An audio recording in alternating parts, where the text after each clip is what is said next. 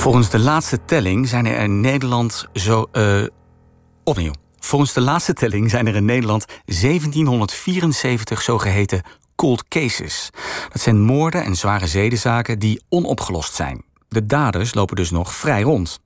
Vandaag duiken we opnieuw in onze eigen cold case. Het vastgelopen politieonderzoek naar de moord op Patrick van der Bolt, de tennisleraar die in de kerstnacht van 2002 in zijn appartement werd doodgeschoten.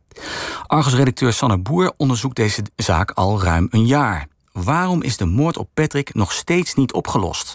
Vandaag deel 5. De getuigen. De vorige keer. Als ik me goed herinner, dan stond er rechts stond er een bank en dat ga je op of voor. Achteraf gezien, heel raar van de politie, want wij waren op een uh, crime scene. Ja. wij konden gewoon meteen met de politie naar binnen. Die hulzen zijn interessant, want die kunnen natuurlijk DNA bevatten van degene die die kogel, inclusief huls, in het vuurwapen hebben gedaan. Waarom is er niet door het OM gezegd: het DNA is op? Ik heb geen flow idee. Dat je acht jaar rondloopt met het idee dat er ooit een doorbraak zou kunnen zijn, omdat er nieuwe DNA-technieken aan het ontwikkelen zijn. Er is eh, wat dat betreft is er eigenlijk niets bijzonders te melden over deze zaak. Die is gegaan zoals dat uh, hoort te gaan. Er zijn geen fouten of geen uh, vergissingen gemaakt, zegt u, in deze zaak? Nee. Soms ben je heel hard in één richting aan het zoeken en overtuigd dat je op die manier de oplossing vindt. Ook al lukt het je tijden niet, je wordt juist vasthoudender. Dat wat je bedacht had, moet de juiste manier zijn om verder te komen. Maar misschien ben je al die jaren wel de foute weg ingeslagen. Zo is het misschien ook wel in het onderzoek naar de moord op Patrick. Patrick is op tweede kerstdag 2002 door zijn buurman Elmer in zijn appartement gevonden. Naast hem liggen meerdere kogelhulzen. Op één huls vindt de politie DNA. Het is het enige spoor waarvan ze denken dat het naar de dader leidt. Maar het DNA matcht niet met de hoofdverdachte. De zaak ligt sindsdien al jaren stil. En het DNA is er ook niet meer, zegt het Openbaar Ministerie nu. Dat hebben ze de politie nooit eerder verteld. De zoveelste keer dat het Openbaar Ministerie informatie niet deelt. Daarom is Patrick's broer woest omdat je je voor de gek gehouden voelt. Omdat je het gevoel krijgt dat je aan het lijntje gehouden wordt. Omdat er niet oprecht omgegaan wordt met na het bestaande. Dat, dat, daar spreekt geen enkel, enkel, geen enkel respect uit. Geen enkel. Ron heeft 17 jaar na de dood van zijn broer een advocaat in de arm genomen. Hij wil nu precies weten wat er door de politie onderzocht is en wat niet. Dat lijkt effect te hebben. Na jaren is het Openbaar Ministerie nu weer in actie gekomen. Een officier zoekt uit of er nog voorwerpen uit Patrick's woonkamer op het politiebureau zijn opgeslagen. Om daar dan alsnog DNA-sporen af te halen. Ik krijg hoop, maar persofficier Rezi Peters tempert mijn enthousiasme meteen. De verwachting dat ons dit verder gaat helpen is niet uh, heel erg uh, groot, heel erg hoog. Bedoelt u dat de verwachting niet echt hoog is dat daar een daderspoor bij zit? Bedoelt u dat te zeggen? Dat, dat, dat er iets van een ja, spoor dat er, dader... dat er iets van een spoor uh, bij zit... wat ons naar een dader zou kunnen leiden. Ja, ja. ja. Een opsporingsindicatie. Een indicatie naar welke, in welke richting je zou moeten gaan opsporen. Ze benadrukt ook dat het onderzoek hiermee niet automatisch heropend is. Soms bekruipt me het gevoel dat het Openbaar Ministerie ook niet echt zit te wachten op een heropening van deze zaak. Dat is anders voor Patrick's broer Ron. Voor mij is gewoon de strijdlust is gewoon groot. Ik vind gewoon dat wat onderzocht kan worden, dat het gewoon onderzocht moet worden. Dat je daar heel ver in moet gaan. Om vooral voor nabestaanden zoals, zoals wij, om antwoorden te kunnen geven. En of het dan opgelost wordt of niet, ja, dat zien we wel. Waarom is Patrick vermoord? En vooral door wie? Dat zijn de belangrijkste vragen. Alles draaide steeds om het DNA-spoor dat gevonden is op de kogelhuls. Maar misschien heeft de politie altijd in de foute richting gezocht. En had ze zich niet op het DNA moeten focussen, maar op de getuigen. Misschien zit de oplossing van deze moordzaak bij de mensen die in de kerstnacht van 2002 iets gezien of gehoord hebben. Dit is deel 5, de getuigen.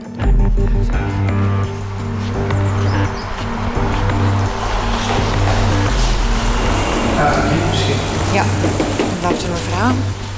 Hoi Rit. Rit, mag ik je wat vragen? Ik loop met Paul, die een goede vriend van Patrick was, over de galerij van Patrick's vroegere flat. Op zoek naar bewoners van toen. We komen Riet tegen. De buurvrouw die er nog steeds woont. Weet je nog de nacht? eh, Ja, want toen was ik in Geleen bij mijn zus en zwager. En dan ben ik al zwaar om tien uur naar huis gekomen. En dan ben ik naar bed gegaan. En dan wakker geworden. Toen had ik taart meegekregen, heb ik een stuk taart gegeten s'nachts. Riet hoeft niet lang na te denken wat ze zich nog herinnert. Ze wordt wakker door het geluid van stemmen uit Patrick's woning. Het is dan ongeveer half drie. Dat weet ze nog omdat ze op de klok kijkt. Ze hoort ook een klap. Het lijkt erop dat er iets tegen ijzer aanvalt. En dan een ander soort geluid. Hetzelfde geluid als dat er kleine kinderen hier over de galerij rennen. Hè? Zo'n geluid had ik gehoord. Hè? Toen ben ik wel naar bed gegaan hè? daarna. En dan heb ik ook niks gehoord. Totdat 's morgens de politie aan de deur stond. Hè? Buurvrouw Riet zegt dat ze haar verhaal verteld heeft aan de agent die een buurtonderzoek deed. Wat zou dat geluid zijn geweest? Wegrennende kindervoetjes. De moordenaar die rende? En hoe kan het dat ze geen schoten heeft gehoord? Maar zij wonen op de kop. Oké, dus hier woonde Patrick, nummer 65. Kijk, en dan is hier bijvoorbeeld de keuken en de kamer. En ik woon hier. Riet kon goed opschieten met Patrick. Ook al was er wel eens geluidsoverlast. Bijvoorbeeld als hij een feestje gaf en het om vijf uur 's ochtends nog niet stil was. Dan liep ze wel eens naar hem toe. Maar dat heeft ze die nacht niet gedaan. Ze kunnen zich hier makkelijk verstoppen. Hè? Ja. Maar dat heb ik niet gedaan. Ja. Ja. De politie zei daarna, "U- u moet denken, het was niet voor u bestemd, maar voor hem. Hè? En eh, dat heeft me geholpen. Ja. ja, daar blijf je toch altijd bij. Hè? Ja. Maar ja. Oké. Nou, zeer bedankt voor uw tijd. En dan ga ik wel Oh, heel goed, dank u wel. Ik vraag Paul wie er na de moord nog steeds in de flat woont. Dat is de huismeester, Jan. Dag. Oh, oké. Hallo, ik ben... Dag, ik ben Sanne Boer. VPRO Radio. is goed. Paul staat even te bellen. Wanneer ze niet aan bellen? Mag ik binnenkomen? Ja. Dank u wel. Hey, ehm, dan ga ik er vandoor. Hoi. Gaat u voor. Dag. Dan is dochter van me. Dag. Zijn dochter en vrouw zitten in de woonkamer. Jan, een tanige man van rond de 70, neemt me mee naar de slaapkamer waar we rustig kunnen praten. Hij heeft Patrick, de avond van de moord, nog gezien. Patrick was heel goed. Die heb ik volgens mij nog gezien. Was hij met die, met die eh, arts die daar woonde, eh, waar Paul nog woont. Daar woonde een arts, Elmar. Elmar. Ja. En die waren nog aan het praten samen, het avonds. Die heb ik gezien. Ja. En 's morgens vroeg was dat gebeurd. Dus eh, Ik vraag huismeester Jan of hem nog iets is opgevallen die avond. ben ik gebeld geworden door iemand. Er was iemand in de fladder lopen. En meestal ga ik daar altijd kijken. Dus ik zag hier op de galerij niemand. Op die galerij niemand. Dan ben ik naar de lift gegaan. Dan heb ik daar gekeken. En dan zag ik weer niemand. Ja, dan denk ik, dat zal wel weg zijn. Ja. En degene die u belde, die belde omdat hij een vreemd iemand had gezien. Er kunnen toch zoveel we mensen... hier geen vreemde mensen hebben. Hij weet niet meer wie hem belde. Het was s'nachts, tegen ene, denkt hij. Het was kerstavond volgens mij, hè? Ja. Ja, dat is al lang geleden, hè? Sliep u toen al? Nee, nee, nee, nee, nee. Ik ben niet zo vroeg naar bed. Konden mensen van buiten hier naar binnen komen zonder dat de deur werd nee, open? nee. Die, die deur was altijd op slot. Ja. Dus, En de, die gaat om zes uur s'avonds dicht. Dus de moordenaar moet eh, binnengelaten zijn door iemand. Die is binnengelaten, dat kan niet anders. Maar wie? Daar kom je nooit achter, hè? En bent u gehoord door de politie? Nee. Nee. Misschien heeft Jan het niet zo ervaren, maar de politie is wel aan zijn deur geweest en heeft hem vragen gesteld. Dus zijn verhaal moet bekend zijn bij de politie. Maar die avond ben ik niet die galerij afgegaan. Jans dochter vertelt me later dat haar vader het zichzelf nog altijd kwalijk neemt dat hij niet op de galerij van Patrick heeft gekeken. Maar misschien achteraf maar beter ook, voegt ze er snel aan toe. Die Patrick is zo'n jongen geweest. En uh, die kon met iedereen goed opschieten, dus daar is niks mis mee geweest. Waarom of zo, dat weet niemand, hè. Ja. Als ik weer thuis ben, vraag ik me af... is het niet link dat ik al die getuigen interview? Onderzoekster Ilse van Leiden is gespecialiseerd in politieonderzoeken... en volgt mijn podcast al vanaf het begin. Met Ilse van Leiden. Ze benoemt precies mijn dilemma. Wanneer is het burgerparticipatie? Nou, in dit geval journalistenparticipatie in de opsporing. En wanneer ga je over tot burgeropsporing? Ja. En die grens, die, dat weet je soms ook niet wanneer je die over bent omdat het kan zijn, en dat heb jij zelf ook gezegd... het kan dus eigenlijk zomaar zijn dat ik in gesprek ben met de dader. Het politieonderzoek naar de moord op Patrick ligt al jaren stil. Daarom ben ik zelf op onderzoek gegaan. Aan de ene kant kan de politie niet zonder de burger. Ja. De meeste zaken worden opgelost ook dankzij getuigenverklaringen. Dus de politie moet altijd een beroep doen op de burger. En, en wat ik wel merk is dat de burger, en ook de journalistiek reken ik daartoe... steeds meer toch op eigen houtje gaat rechercheren. Ik hoor eigenlijk een beetje als ik jou hoor praten... dat je zegt van dat je dat ja, misschien helemaal geen goed idee vindt... om verder in de zaak te duiken. Nee, dat zeg ik niet. Wat ik vind, je moet aan die boom blijven schudden. Ja. En dat is wat jij ook doet. Hè? Gericht op één zaak, maar je, je schudt aan aan die zaak om er dingen uit te laten vallen. Ja. En wat een beetje een issue is van als er appels uit die boom vallen, omdat je eraan schudt, wie moet ze dan oprapen? En daar zit je in het overgangsgebied naar, doe je dat als journalist of als burger, weet je, doe je dat dan ook nog? Of draag je dat over aan de politie? Ja. En dat laatste is soms heel erg moeilijk. Van als de politie zegt, ja sorry, daar hebben we geen tijd voor. Of wij willen daar niks van weten. Mhm. Moet je dan die appels laten liggen om weg te rotten? Of ga je er dan toch nog zelf wat mee doen? Die vraag stel ik mezelf ook steeds. Wat doe ik als ik nieuwe feiten boven tafel krijg? En wat als de politie er dan nog niets mee doet? Wat is dan mijn taak als journalist? Moet of wil ik dan stoppen? Ilse vertelt me dat er in Australië een cold case is opgelost door een podcast. Een vrouw wist 36 jaar lang dat haar man iemand had vermoord. Ze is gaan praten toen er een podcast over deze moord uitkwam.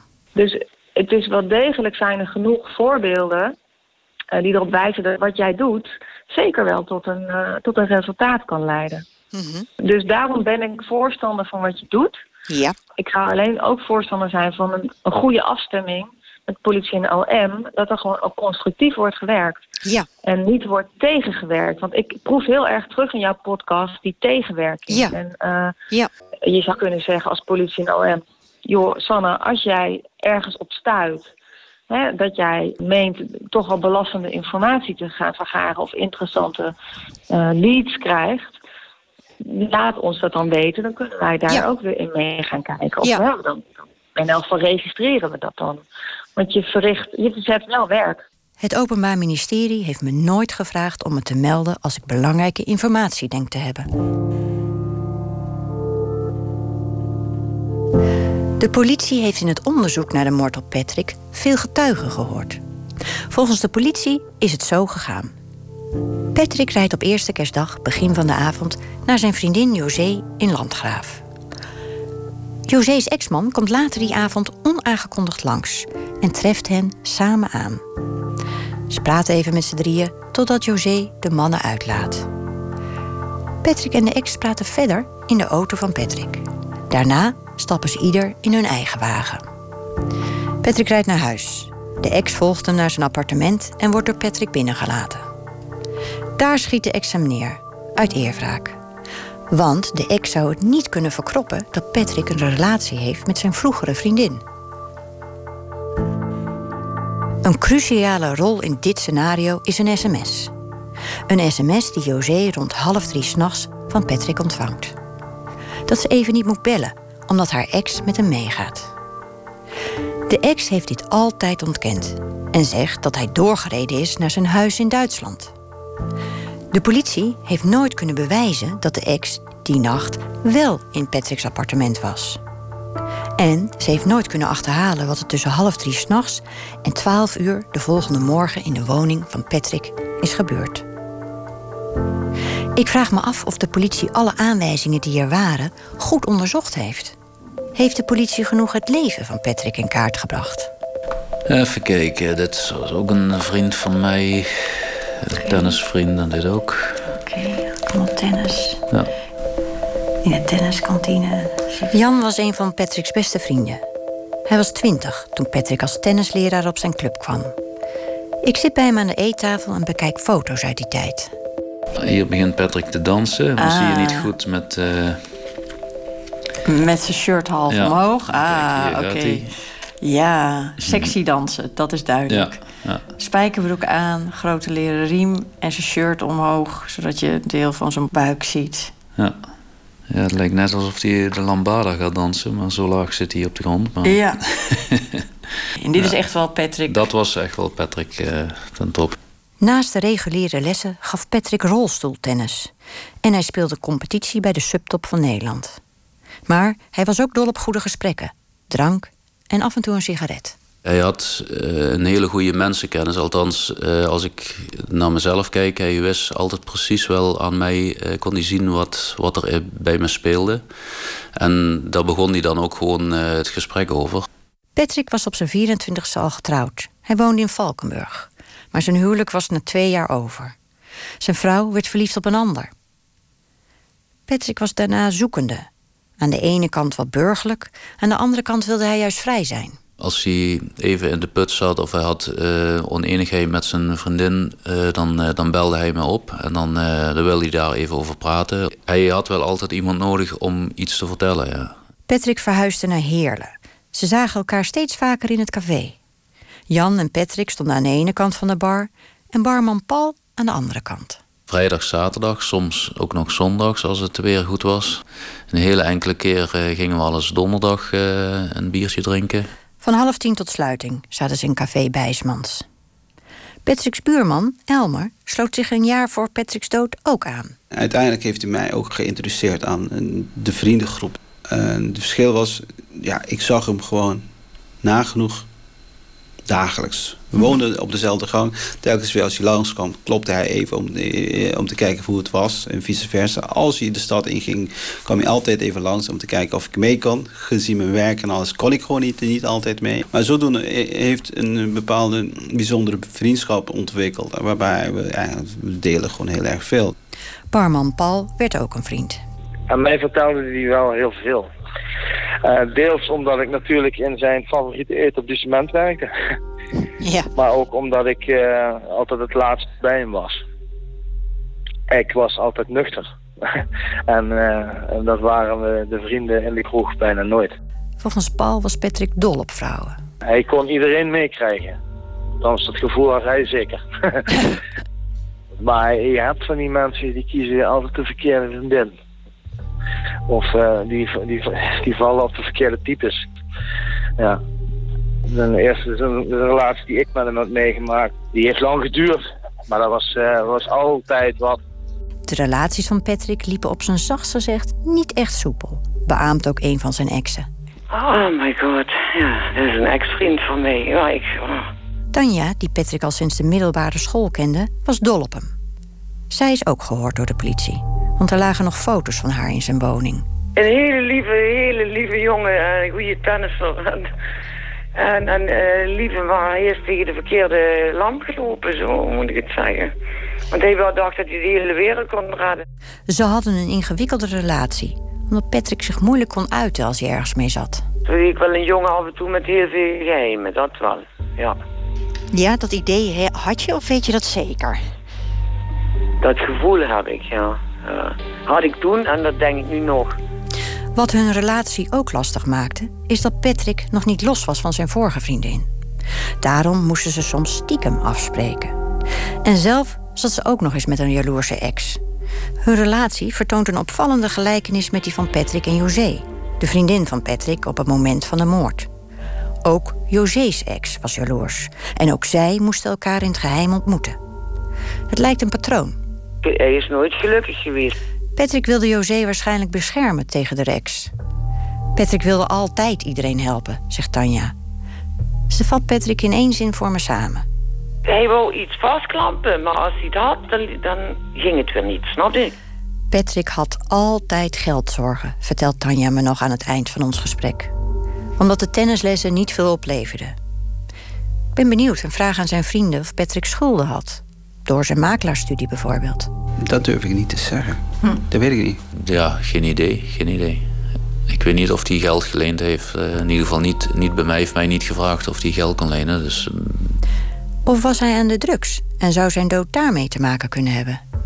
De enige drugs die hij gebruikte was bier. Dit is Argos met nieuwe ontwikkelingen in de moord op Patrick. Over de 36-jarige tennisleraar die 17 jaar geleden doodgeschoten werd. Maar waarvan de dader nooit gepakt is. Ik vraag de vrienden naar Patrick's gedrag de dagen voor zijn dood. Tennisvriend Jan heeft niet iets vreemds gemerkt. Barman Paul wel.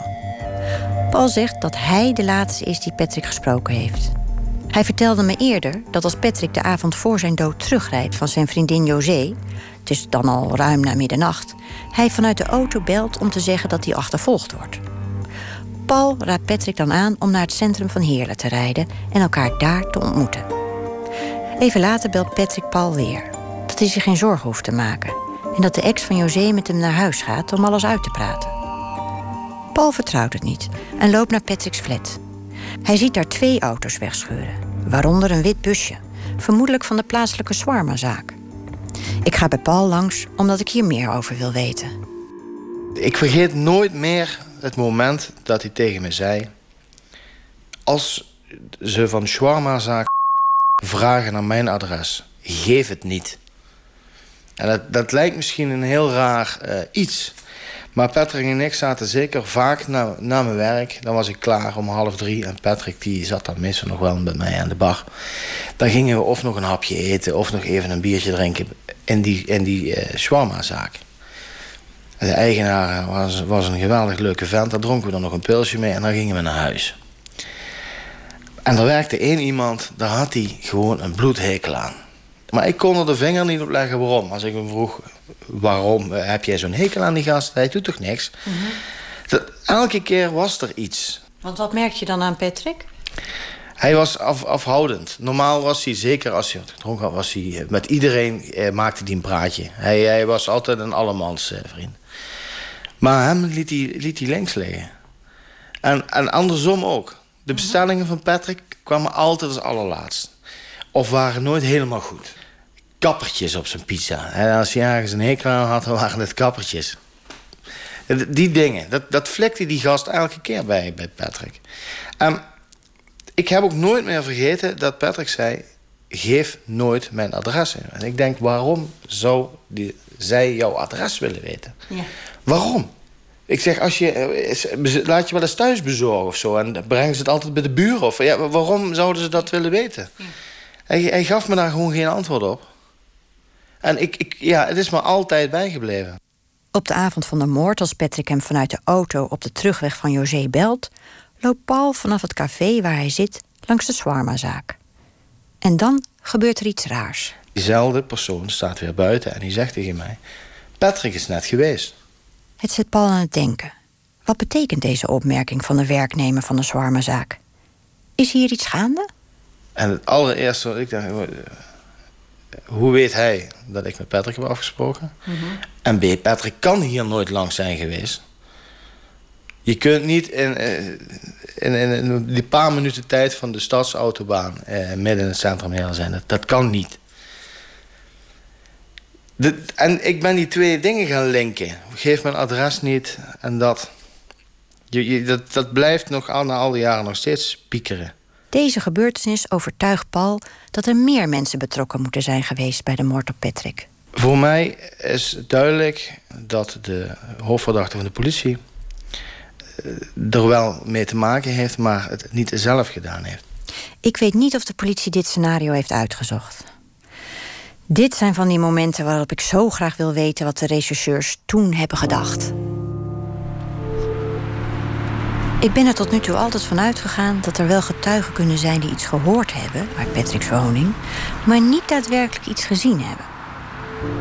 Totdat ik over een flatbewoonster hoor die een weerspiegeling in de ruiten van de schouwburg achter de flat heeft gezien. Het lijkt me vrij onwaarschijnlijk, maar ik besluit deze vrouw toch te zoeken.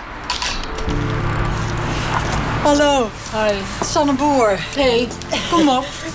Dat doen we niet. Maartje staat me al in de deuropening op te wachten. Haar witte hondje springt enthousiast tegen me op als ik binnenloop. In de lunch. Ze is 75 en woont niet meer in de flat. Ze heeft haar eigen huisje met veel ruimte voor kunst. Het was s'avonds laat, ik voelde me beroerd. En ik ben alleen, dus ik kijk heel veel naar buiten. Ik hou heel veel contact met de buitenwereld, visueel. Ze had het me al over de telefoon verteld. Ze is sinds 1984 doof aan één oor. Er is een tumor bij haar weggehaald. En ze praat ook wat moeilijk door de bestraling die ze kreeg. En dan ging ik aan de vensterbank zitten met een kop thee. Ik zie een reflectie in de schouwburg dat in het appartement beneden mij... dat daar een soort stoeipartij... Het zag vreemd uit. Ik denk, hé, wat gebeurt daar nu? En eerst dacht ik, goh, zou vader en zoon aan het stoeien zijn? Maar er zat wel iets overweldigends in. Nou ja, goed. Ik ben daarna naar bed gegaan. En de dag daarna, of de dag daarna, want daarvoor is het lang geleden... lag er een brief in de brievenbus dat er dus een uh, misdaad had plaatsgevonden. En of er informatie van was. En toen dacht ik, dat is wat ik gezien heb. En daarop heb ik de recherche gebeld. Ze vertelt wat ze gezien heeft in het raam van de Schouwburg aan de rechercheurs. En die zijn bij mij komen kijken. Die hebben op dezelfde manier het licht beneden aangemaakt... als dat zij het beneden gevonden hebben. En zijn bij mij komen kijken, ook met het licht uit. Want ik had geloof ik een kerstboom, een kerstboompje aan of zoiets. Dat weet ik niet meer. En dat was dan aan. En we hebben dus zo... Heeft iemand beneden bewogen in de ruimte. En bij mij kon je dan in de Schouwburg zien. De rechercheurs komen tot de conclusie dat Maartje inderdaad, een verdieping hoger, dingen bij Patrick in de woonkamer kan zien. Daarna hebben ze mij nog gevraagd of ik naar Tilburg met hen mee zou gaan. Om daar onder hypnose dus te kijken of er nog meer informatie kwam. Kon u meer herinneren door die hypnose? Nee hoor. Maartje wil niet speculeren over wie ze gezien heeft. Ze wil zich bij de feiten houden. Ze heeft twee mannen zien stoeien en het leek haar een onschuldige stoeipartij. Ze besloot naar bed te gaan. Had ik het geweten wat, ik, wat er echt gebeurde, was ik gewoon onmiddellijk 112 gebeld. Ik kon wel zien, de proporties, één was veel groter dan de andere, terwijl Patrick toch een lange man was, reden in mijn ogen. En u bent niet blijven wachten tot die stoeipartij voorbij was? Nou, op een gegeven moment dacht ik wel dat ze vielen. Maar toen ben ik naar bed gegaan. Ik was beroerd. Ik ben niet gauw beroerd. En ik had een soort griep onder de leden. En als je dan alleen bent, dan... Bovenbuurvrouw Maartje weet dat op de dag van vandaag niet hoe Patrick vermoord is. Ze weet wel dat de dader nooit gepakt is. En ze hoopt maar dat dat niet door haar komt. De politie belde mij later, nadat ik in Tilburg geweest was... om te vragen over de tijd op mijn videorecorder. Of ik die wel op zomer- of wintertijd had en wat de tijd was. Daar kan ik dus achteraf gezien, denk ik, stel dat ik de verkeerde tijd genoemd heb, gaat iemand misschien vrij af die eigenlijk gepakt had moeten worden. Maartje dacht dat het tussen twee en drie uur s'nachts was. Ze piekert er nog vaak over. Wereldse draaien in elkaar. Als haar verhaal klopt, dan zou er ook DNA van de dader op de kleding van Patrick moeten zitten. Is die bekeken? Met nieuwe DNA-technieken zou er nu meer gevonden kunnen worden. Zou er nog een doos Patrick liggen op het politiebureau? Het Openbaar Ministerie wil me daar geen antwoord op geven. Iedereen die ik spreek heeft zijn verhaal destijds ook aan de politie verteld. Of ze exact hetzelfde vertellen aan mij, weet ik niet. Ik moet het doen met hun herinneringen van 17 jaar geleden. Kunnen mensen zich dingen zo lang herinneren? Ik weet soms niet eens meer wat ik afgelopen weekend heb gedaan. Ik vraag het Harold Merkelbach, hoogleraar rechtspsychologie aan de Universiteit Maastricht. Hij is expert op het gebied van herinneringen. Hij wil graag meewerken aan mijn podcast. Hallo. Hoi, hoi. Had jij net gebeld? Oh, hoi, hoi. Goed je te zien. Goedemiddag. Ja. ja. ik weet niet wat er is met mijn telefoon. Maar het kan zijn dat, eh, ja, misschien wel de wind, ik weet het niet. Merkelbach zit op een klein kamertje op de derde verdieping van de faculteit. Hij doet me altijd een beetje denken aan een verstrooide professor. Maar dat verdwijnt meteen als ik hem over zijn vak vraag. Dan is hij helder. Hoe lang kan je je iets herinneren? Ja, dat is geen simpele vraag om mee te beginnen. De literatuur die zegt daarover dat dat afhangt om te beginnen van waar het over gaat. Als het gaat om triviale kwesties, als het gaat om details die eigenlijk niet zo belangrijk zijn, daar maakt ons geheugen al heel snel korte metten mee. Dat wordt al heel snel uit het geheugen verwijderd. Eigenlijk, nou, binnen, reken binnen, binnen zes uur. Uh, Zo snel? dus triviale details. En daar is ook een hele goede reden voor. Want stel je voor dat we dat langer zouden vasthouden. Dan, uh, ja, dan zouden we een soort overflow krijgen. Dan zou ons geheugen overlopen met allerlei trivialiteit. Nutteloze dingen kan je maar zes uur onthouden. Maar dat is anders bij autobiografische gebeurtenissen waarbij je een emotie voelt. En daarom kunnen mensen hun trouwdag of hun examendag jaren later nog goed navertellen. Niet in detail, want er vallen dingen weg.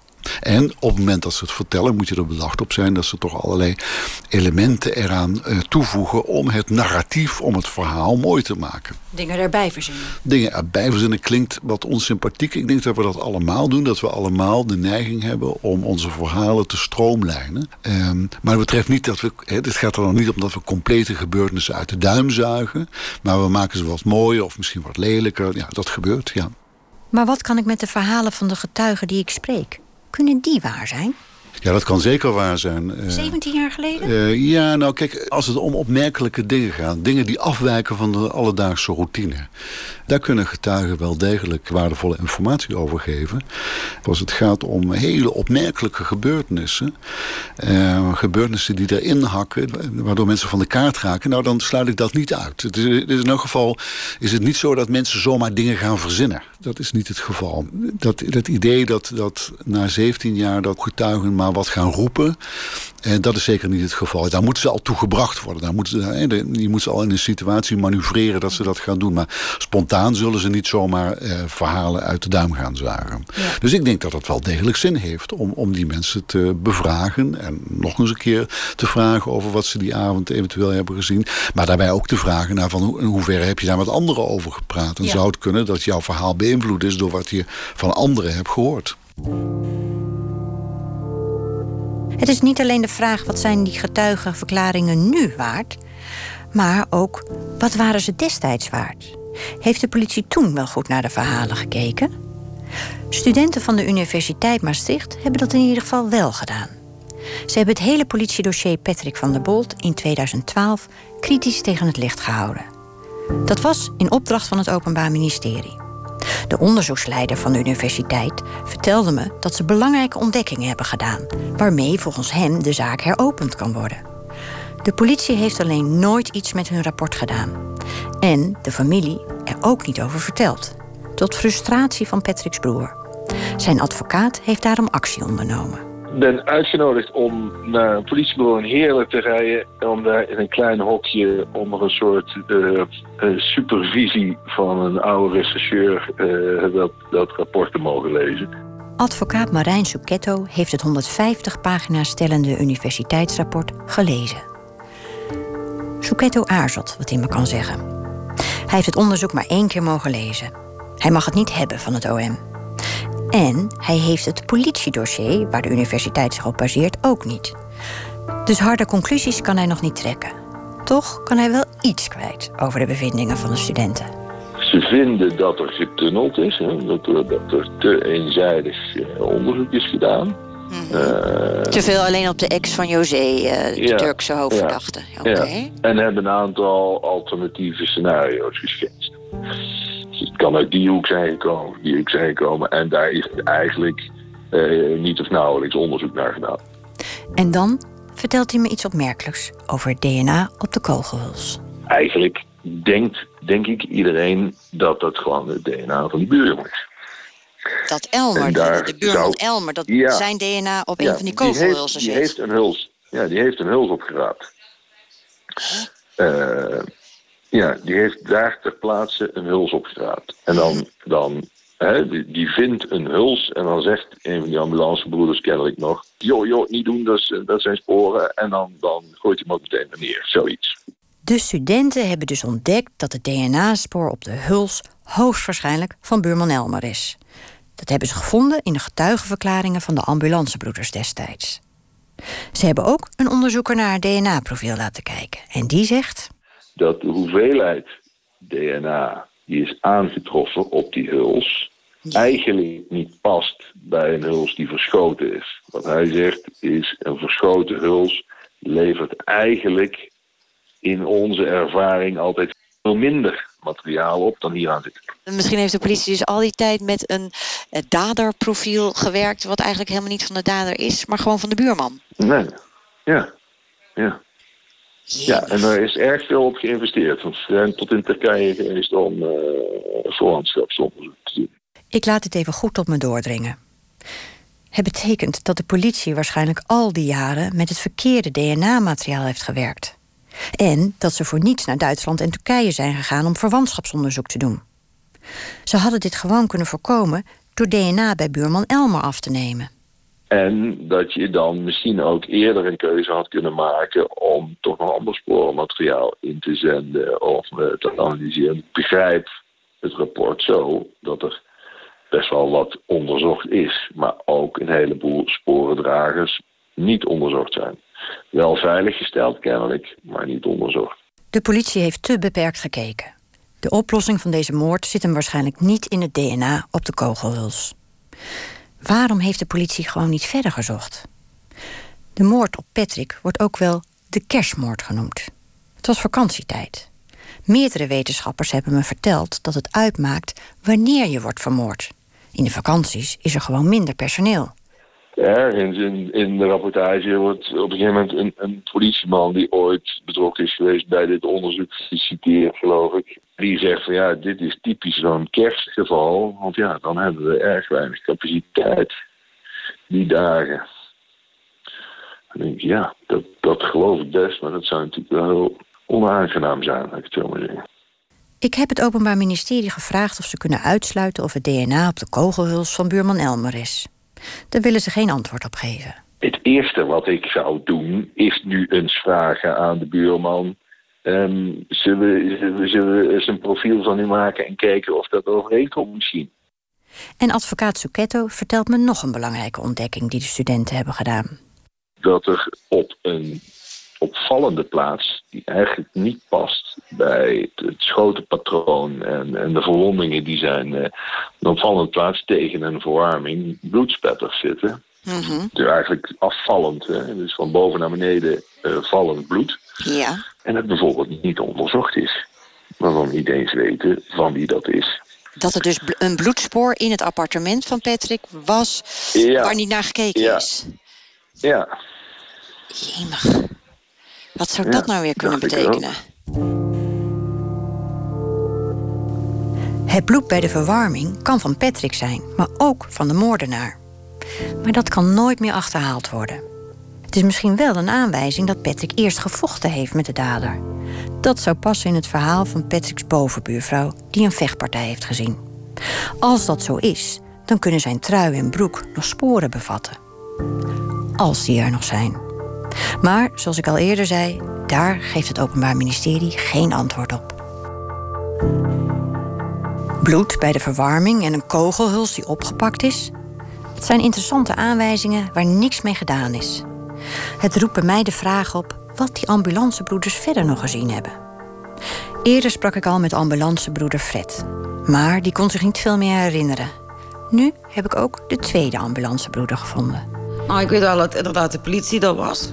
En ik herinner me nou wel nog wel wat andere mensen. Zei Judith. Ze woont samen met haar man die ook op de ambulance heeft gewerkt. Ze vinden het een prachtig beroep. Judith was op die bewuste tweede kerstdag 24 jaar en werkte net een jaar op de ambulance als chauffeur. Judith kan zich niets meer herinneren over een kogelhuls die opgepakt is.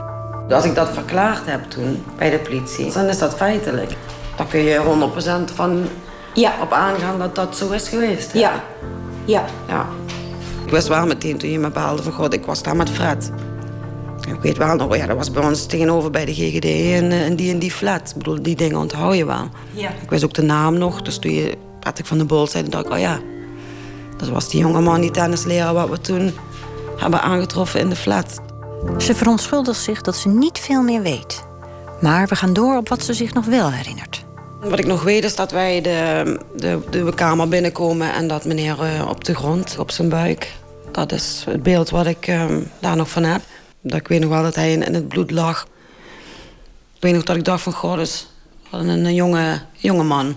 Je weet eigenlijk dat je dan niks meer kunt uh, betekenen. Dus dan, en je ziet dat het niet natuurlijk iets is. Dus dan weet je eigenlijk, dat is niks meer voor, voor ons. Dit moet een politie en een forensische arts verder gaan overnemen. En, en je weet dat het, uh, ja. er niet, de, de plaats niet beter op zou worden voor onderzoek als je daar maar blijft. Als Judith met haar collega Fred weken later langs Patrick's flat rijdt, hebben ze het er weer over. De eerste tijd heb ik dat wel gevolgd, ja. En ook, ook wel nagevraagd uh, als je bij de politie binnen was. Van, goh, weet, weten jullie iets? Maar ik kreeg eigenlijk nooit uh, ja, het idee van dat het... Nee. Ze heeft het profiel van haar schoenen moeten geven. En zij en Fred hebben dus een verklaring afgelegd... van wat ze aantroffen op de plaats delict. En naast de kogelhuls is er nog iets interessants... wat ze dan aan de politie vertellen. Iets wat me heel nieuwsgierig maakt.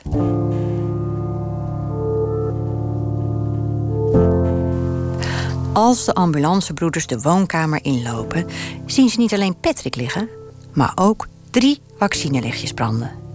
Het lijkt misschien een nietszeggende observatie, maar het roept bij mij de vraag op: waarom staan er vaccinelichtjes aan?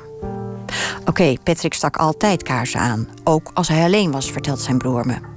Maar waarom steekt hij kaarsen aan als de ex van zijn vriendin José bij hem is, zoals de politie aanneemt? Zou ik kaarsen aansteken als ik me bedreigd voel, of op zijn minst niet op mijn gemak? Bovendien, de ambulancebroeders hebben het niet over kaarsen, maar over vaccinelichtjes. Als ik uitga van de tijdlijn van de politie, dan is Patrick rond half drie thuisgekomen. Als hij ze toen heeft aangestoken, kunnen ze dan de volgende morgen tegen 12 uur überhaupt nog branden? Paar weken nadat ik advocaat Suketu sprak over het rapport van de universiteit, bel ik hem opnieuw. Ik heb nog een vraag over die uh, vaccinelichtjes die de ambulancebroeders hebben zien branden op de plaats van delict. Heeft het OM dat nog uitgezocht? Ik snap jouw vraag, maar ik aarzel om die vraag te beantwoorden. Ik zal je uitleggen waarom. Ik heb de afspraak gemaakt dat ik het dossier kan krijgen als ik informatie daaruit niet ga delen of verspreiden met anderen. Uh, de afspraak is dat ik dat uh, niet deel met anderen dan de, de nabestaanden. Ik denk dat ik er dan goed aan doe om over dingen die ik eerder heb gelezen geen antwoord te geven. Als Suketo niet akkoord gaat met de voorwaarden van het Openbaar Ministerie, dan krijgt hij en dus Patrick's familie het politiedossier en het universiteitsrapport niet. En die heeft Suketo wel nodig voor het voeren van een zaak. Belang voor ons om kennis te kunnen nemen van die stukken is zo groot dat ik die afspraak heb, uh, uiteindelijk heb gemaakt. Ik had gehoopt via de advocaat meer te weten te komen. Ik ben teleurgesteld dat het Openbaar Ministerie deze eis aan hem stelt. Eén ding weet ik zeker. De getuigenverklaringen van toen en nu en de ontdekkingen van de Universiteit Maastricht schreeuwen om nader onderzoek. Maar verder heb ik nu meer vragen dan antwoorden. Kan er een tweede persoon bij de moord betrokken zijn, zoals Paul denkt? Bestaat er een doos Patrick met voorwerpen waar nog DNA op te vinden is? En kan het zijn dat de vaccinelichtjes branden omdat Patrick nog ander bezoek heeft ontvangen die nacht? Dit en meer in het volgende deel van De Moord op Patrick.